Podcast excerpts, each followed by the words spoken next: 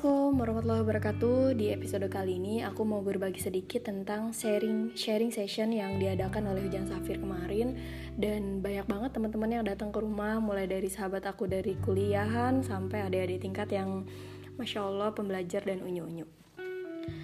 Jadi kemarin selain kami masak-masakan bareng, makan suki bareng karena logis logistik me menentukan logika katanya. Terus kami juga merencanakan ada beberapa teman-teman yang puasa juga, jadi pas maghrib itu kami masak-masak bareng juga.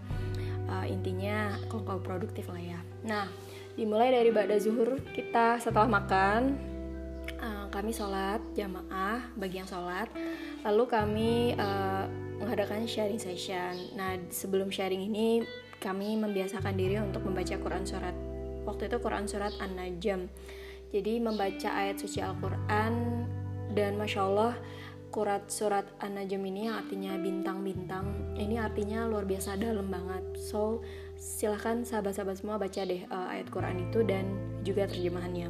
Dan di akhir ayat itu dengan indahnya Allah bilang bahwa maka bersujudlah kepadaku. Jadi Masya Allah banget. Pokoknya harus baca dan juga baca terjemahannya Nah, selain kita sharing banget dari mulai uh, isu-isu uh, tentang produktivitas dan juga social movement dan kami juga melakukan evaluasi karena ini kan udah bulan mau mendekati bulan Juli nih.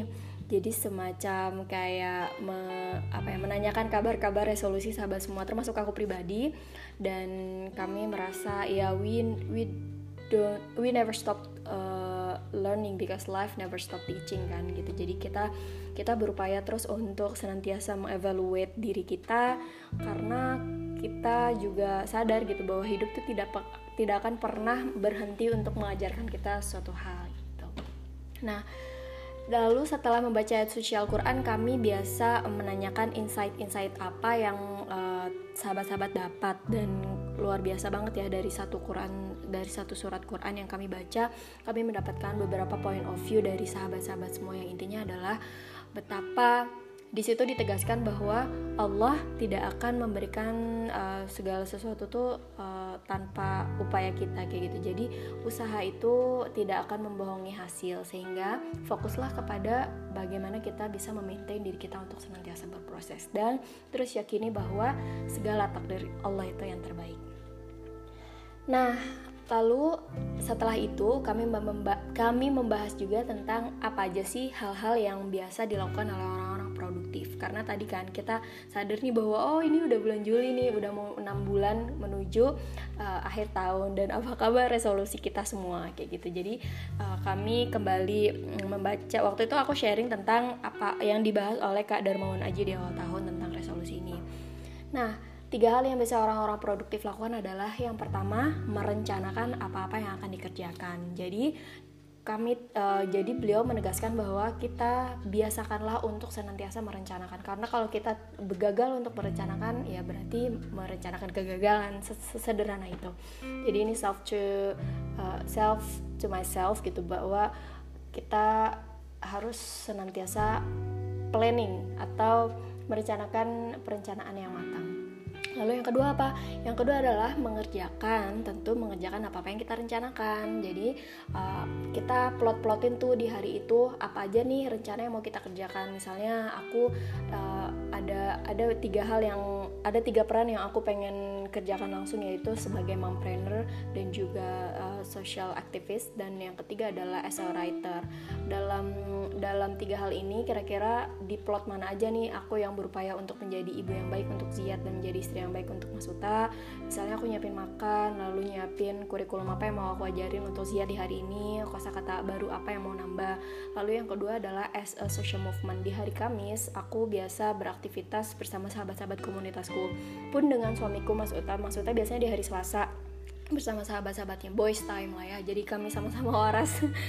Alias kita menjaga uh, em, apa menjaga apa ya uh, kami merasa bertemu dengan orang-orang terdekat itu adalah recharge. Jadi ya udah biar ada selalu berfaedah kayak gitu bila bertemu dengan lalu yang terakhir adalah misalnya aku pengen jadi apa tuh namanya tadi oh mompreneur juga tentang berkaitan dengan aktivitas aku dalam berbisnis ya bukan hanya sebagai uh, istri dan ibu. Dan yang ketiga misalnya sebagai penulis. Nah dalam hal ini aku nulis ini lagi dalam rangka membiasakan uh, rajin untuk menulis dulu gitu. Jadi masih terus latihan sebelum bukuku sebentar lagi launching insya Allah. Nah lalu yang ketiga udah tuh tadi ya yang per pertama adalah merencanakan lalu yang kedua adalah mengerjakan apa yang direncanakan. Jadi diplot-plotin aja misalnya di pagi hari. Kalau Kak Darmawan aja tuh bilang di bukunya first thing first atau the most important thing. Kita melakukan hal-hal yang paling penting dilakukan itu di pagi hari sampai siang kayak gitu. Jadi kalau misalnya anak-anak lagi tidur atau apa namanya kita lagi lagi pagi tuh biasanya fresh gitu. Misalnya ada yang senangnya pagi atau senangnya uh, melakukan hal yang paling pentingnya adalah di Bada Isya misalnya itu terserah. Kalau kami biasanya quality time itu habis maghrib ke Isya sambil nunggu Isya lalu lanjut lagi habis Isya gitu. Jadi fleksibel sih kalau misalnya ada hal itu belum beres biasanya habis isa kita melakukan aktivitas kita lagi. Nah, yang ketiga itu apa? Yang ketiga adalah mengevaluasi atau melihat rekam jejak aktivitas kita di uh, perencanaan dan pengerjaan kayak gitu. Jadi misalnya apa ini yang bisa membuat kita berhasil, apa yang sudah efektif atau mana nih yang membuat kita belum dirasanya belum efektif. Sehingga kita tahu nih rekam jejak kita, kelemahan kita, kekuatan kita apa. Dan mengevaluasi ini juga tentang bagaimana kita mencari cara-cara baru atau sudut pandang yang baru sehingga kita uh, apa namanya berhasil untuk me mengerjakan apa-apa yang kita rencanakan. Lalu yang menarik adalah tadi pagi eh tadi hari ini aku melihat uh, salah satu Instagram namanya Heart Movement dan di situ juga membahas tentang bagaimana seorang menjadi muslim yang produktif sesuai dengan Al-Qur'an Al-Qur'an dan As-Sunnah. Nah, di tiga poin hal tiga poin yang aku bahas tadi tentu jangan lupa juga untuk membahas bahwa ini tuh harus um, sebagai orang muslim ya seperti bahasan tadi kita tuh harus dalam koridor kita beriman kepada Allah. Jadi mudah-mudahan biar ini semua yang kita upayakan itu dalam rangka ibadah dan juga dan juga wujud um, amal soleh kita gitu sebagai upaya menjadi hambanya yang penuh ketaatan terus gitu. Sehingga mudah-mudahan ini bukan hanya kita mendapatkan hasil yang baik di dunia kan tetapi hasil yang baik juga di akhirat kayak gitu. Jadi maksudnya juga sering ngetin banget ke aku bahwa jangan lupa lurusin niat lurusin niat gitu. Sehingga kita tidak hanya mendapatkan tadi tidak hanya mendapatkan ke kenikmatan di dunia atau hasil yang baik di dunia kan tetapi insya Allah mudah-mudahan di akhirat juga amin ya rabbal alamin nah Udah gitu di akhir kami juga membuat suatu rancangan yang mana sahabat-sahabat semua bisa lakukan uh, langsung kayak gitu. Mungkin gimana ya caranya? Mungkin bisa difotoin kali ya. Jadi kita membuat suatu tabel yang mana uh, biasanya yang yang memudahkan itu rancangan per tiga bulanan kayak gitu. Jadi da, tiga bulan ini apa yang mau dikerjakan tiga hal apa atau beberapa hal apa aja yang mau dilakukan.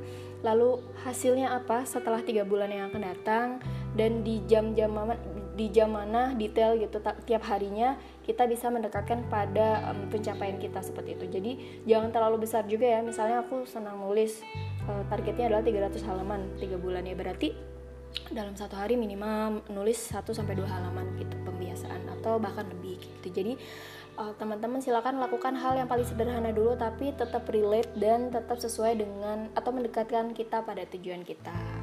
Kayak gitu. Jadi mudah-mudahan bermanfaat dan aku merasa penting untuk kita berkomunitas atau bersama dengan orang-orang yang juga sadar untuk berjuang karena apa? Karena apa ya eh, manusia itu uh, rasa-rasanya sering sering kali setelah melakukan lelahnya perjalanan atau ujian itu kita suka tiba-tiba down atau merasa drain gitu atau lelah gitu.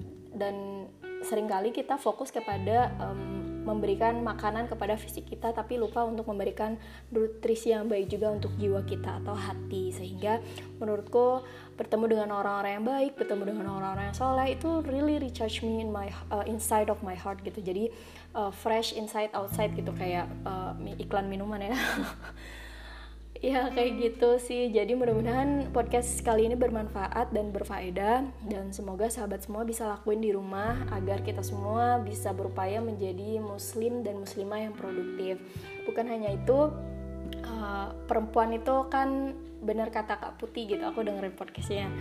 Jadi apa ya kalau perempuan itu demotivated gitu atau tidak um, memiliki motivasi itu ha hawanya rumah juga jadi beda gitu rasanya. Jadi penting banget untuk kita sebagai perempuan pintar-pintar untuk memilih nutrisi jiwa atau nutrisi hati yang baik untuk kita. Dan tentunya sebetulnya yang paling baik adalah siraman rohani yang mendekatkan kita kepada Allah pastinya.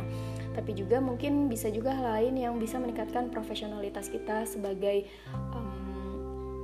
peran-peran um, yang kita sedang apa ya sedang diamanahi gitu. Misalnya aku sebagai ibu atau sahabat-sahabat sebagai orang sebagai anak dari orang tua lalu misalnya profesion uh, kalau saya misalnya mau belajar lagi lanjut sekolah upaya untuk lanjut sekolah S2 dan sebagainya. Jadi uh, kita kita terus mengupayakan menjadi cendekiawan, muslim gitu atau muslim yang bukan hanya baik ibadahnya tetapi juga profesional di di dunia.